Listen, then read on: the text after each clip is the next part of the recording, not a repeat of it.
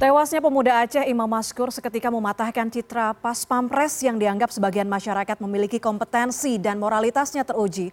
Lantas benarkah apa yang dilakukan oleh oknum pas pampres, dua oknum TNI lainnya dan tiga warga sipil ini hanya karena berlandaskan kebutuhan ekonomi, keuntungan pribadi? Kita bahas lebih lanjut bersama dengan psikolog forensik Reza Indragiri.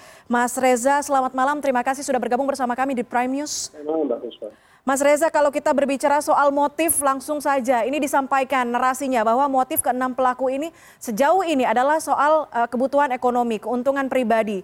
Yang kalau kita lihat dari enam pelaku ini meminta tebusan 50 juta, artinya 50 juta itu asumsinya dibagi enam orang ini ya. Nah, dari narasi motif yang disampaikan ini, Anda melihatnya seperti apa? Apa saja kejanggalan yang terdengar dari narasi ini? Ada dua yang menjadi catatan saya dan barangkali perlu ditindaklanjuti oleh pihak tni yang pertama kalau memang ini sungguh-sungguh merupakan kejahatan yang dilatar belakangi oleh motif instrumental yaitu mendapatkan keuntungan atau manfaat ekonomi tertentu menjadi pertanyaan mengapa harus dilakukan penganiayaan yang sedemikian kejam?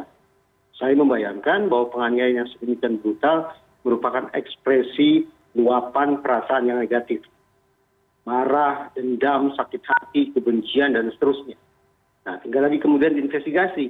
Kalau memang ada luapan emosi apa gerangan yang memunculkan emosi yang meluap-luap dari para tersangka? Itu pertama. Yang kedua andai kan penjelasannya memang ini tak lain tak bukan adalah motif instrumental atau motif untuk mencari manfaat ekonomi masih harus didalami. Mhm. apakah ini bukannya merupakan kejahatan yang terorganisasi? Kalau kejahatan yang terorganisasi maka saya bayangkan ada eksekutor ada mastermind ada pihak yang barangkali membantu pelarian para tersangka ada pihak yang melakukan obstruction of justice. Dengan kata lain tidak cukup bagi pihak tni untuk mencari tahu siapa saja lebih dari tiga plus satu orang dalam kasus ini yang mungkin terlibat sebagai sebuah sindikasi atau sindikat. Dua catatan itu yang menurut saya perlu didalami. Oke. Artinya jika jika memang uh, masih saat ini masih uh, motifnya adalah kebutuhan ekonomi atau keuntungan pribadi tapi ada indikasi penganiayaan berencana dilakukan secara berkelompok itu yang harusnya juga menjadi uh, ini ya yang sangat ditelusuri oleh pihak militer Ya, itu yang saya tadi istilahkan sebagai adakah kemungkinan ini merupakan sebuah kejahatan terorganisasi. Mm -hmm. Apalagi ketika saya cuma pemberitaan di media massa, dikabarkan bahwa para tersangka bukan baru kali ini saja melancarkan aksinya. Ini adalah kali kesekian nah jadi saya membayangkan bahwa para tersangka sudah bisa mempertimbangkan atau menghitung hitung resiko yang akan mereka alami sehingga barangkali ada pihak yang menjadi backing pihak yang siap untuk memberikan jaminan bahwa mereka akan lolos dari jerat pidana seandainya mereka diproses secara hukum mm-hmm. itu sebagai sebuah ilustrasi tentang kemungkinan adanya uh, sindikat adanya pihak-pihak lain yang lebih dari tiga plus satu orang mm-hmm. yang barangkali terlibat dalam kasus ini oke ada dugaan tiga oknum ini diketahui memilih targetnya dari grup komunitas orang aceh mas reza. Uh, kalau secara psikologis bagaimana pelaku menentukan profil targetnya? Apakah memang secara acak saja atau ada latar belakang tertentu seperti uh, orang-orang tersebut atau target-target ini tidak punya uh, perlindungan hukum sulit untuk mencari perlindungan hukum tidak punya kekuatan dan lain sebagainya selama ini kita sudah cukup akrab dengan istilah criminal profiling yaitu memprofilkan para pelaku atau calon pelaku. Tetapi barangkali kasus ini menunjukkan kepada kita bahwa para tersangka pelaku kejahatan ternyata juga melakukan apa yang distilahkan sebagai victim profiling. Dengan kata lain mereka memilih atau mengincar calon korban bukan dengan cara yang acak tapi sungguh-sungguh dengan profil tertentu dengan karakteristik tertentu yang mungkin dalam hitung-hitungan mereka akan mendatangkan keuntungan maksimal ketimbang ketika para tersangka memilih untuk mengincar korban dengan profil yang berbeda di samping uh, adanya ya saya tidak tahu apakah kemungkinan ada juga kalkulasi ekonomi tentang kemungkinan bahwa para uh, target para sasaran ini juga memiliki sumber daya finansial tertentu yang bisa dimanfaatkan sedemikian rupa oleh para tersangka. Oke. Eh, mas reza pelaku kabarnya akan dijerat dengan pasal berlapis. Kita ketahui ada tiga penculikan pemerasan dan penganiayaan. Kalau tindakan pelaku tersebut masuk dalam kualifikasi pasal pasal itu apakah uh, bukankah sulit rasanya menjerat hukuman maksimal seperti yang disebut oleh Panglima sebelumnya agar pelaku dihukum mati. Karena kalau kita lihat pasal 131 KUHPM, apabila tindakan itu mengakibatkan mati, penganiayaan mengakibatkan mati, akan dipidana maksimum 9 tahun penjara itu yang sejak kemarin menjadi catatan saya dan saya beruntung berkesempatan berkomunikasi dengan pihak uh, Denpom. Saya katakan bahwa kalau Panglima TNI sudah memberikan pada petik ultimatum seandainya para tersangka nanti difonis bersalah maka mereka akan jadi hukuman maksimal baik hukuman mati ataupun hukuman seumur hidup. Bagaimana mungkin kemudian target itu akan bisa terrealisasi seandainya pasal-pasal pidana yang dikenakan kepada para tersangka tanda petik hanya pasal penculikan, penganiayaan, dan pemerasan.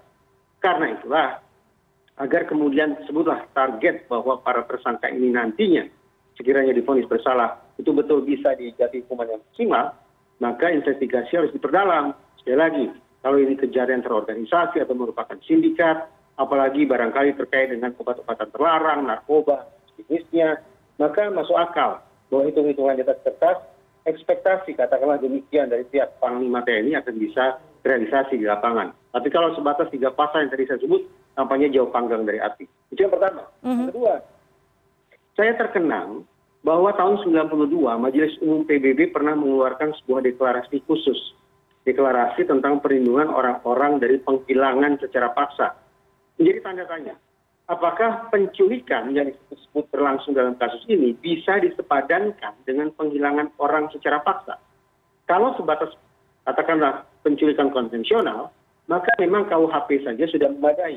Tapi apabila ternyata penculikan ini bersinonim dengan penghilangan orang secara paksa, maka Majelis Umum PBB sudah memberikan wanti-wanti bahwa penghilangan orang secara paksa dikategorikan sebagai pelanggaran hak asasi manusia yang serius dan mencolok Mhm. sangat menonjol. Sudah barang tentu untuk menangani kasus yang sedemikian serius tidak cukup dengan KUHP, tapi harus dengan menggunakan peraturan perundang-undangan lainnya. Nah, poin yang satu ini barangkali juga bisa dijadikan sebagai pintu masuk untuk merealisasikan uh, target yang sudah ditetapkan oleh Panglima TNI, yaitu hukuman maksimal kepada para tersangka jika mereka difonis bersalah. Oke, Mas Reza, dengan Anda sudah berkomunikasi uh, dengan pihak Danpom, dalam hal ini bagaimana anda melihat organisasi tni melakukan pengawasan dan pembinaan anggota terhadap perilaku di luar yang mungkin mengarah pada tindak kriminal karena ini bukan sekali dua kali.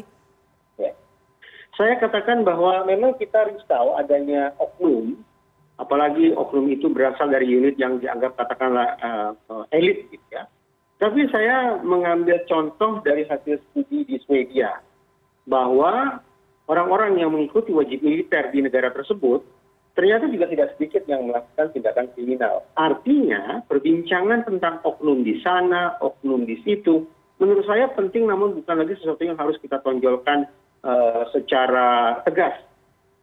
Saya lebih memberikan uh, target bahwa pihak TNI targetnya bukanlah bagaimana kemudian meniadakan oknum, karena saya pikir itu juga tidak realistis. Target yang betul-betul menjadi harapan saya adalah bagaimana kemudian para oknum tentara yang bikin onar yang melakukan pelanggaran hukum sungguh-sungguh ditindak sebagaimana mestinya. Ekspektasi atau harapan saya ini masuk akal karena sekarang saya bercermin ke Amerika Serikat. -hmm. Dari tiga ribuan kasus tentara yang melakukan desersi atau kabur dari tugas, ternyata hanya sekitar 170 kasus saja yang diproses secara hukum. Dengan kata lain, kurang dari 5 persen ini merupakan potret betapa di negara tanda petik kemajuan Amerika Serikat pun komitmen organisasi militer untuk menindak personil personil mereka yang nakal ternyata tidak begitu serius. Nah, saya berharap bahwa TNI bisa menunjukkan kinerja yang lebih positif mhm. sehingga masyarakat teryakinkan bahwa berbicara tentang pelanggaran hukum itu tidak dilakukan oleh institusi TNI tetapi oleh oknum tentara dan melakukan pembersihan terhadap oknum-oknum semacam itu semestinya tidak terlalu sulit. Seandainya sekali lagi TNI memiliki komitmen yang kuat untuk itu. Oke, kita lihat nanti seperti apa komitmen dari TNI uh, khususnya tentang kasus ini karena sudah menjadi bola liar di masyarakat. Semoga tidak lagi menjatuhkan citra uh, positif yang selama ini dibangun betul-betul oleh pihak Saya militer. Saya yakin bahwa kerja cepat, kerja tuntas TNI akan meyakinkan kita TNI tetap sebuah institusi yang kita cintai, kita banggakan dan kita hormati. Baik, baik. Terima kasih Mas Reza Indragiri atas pandangannya kepada kami di CNN Indonesia Prime News. Selamat malam. Selamat malam.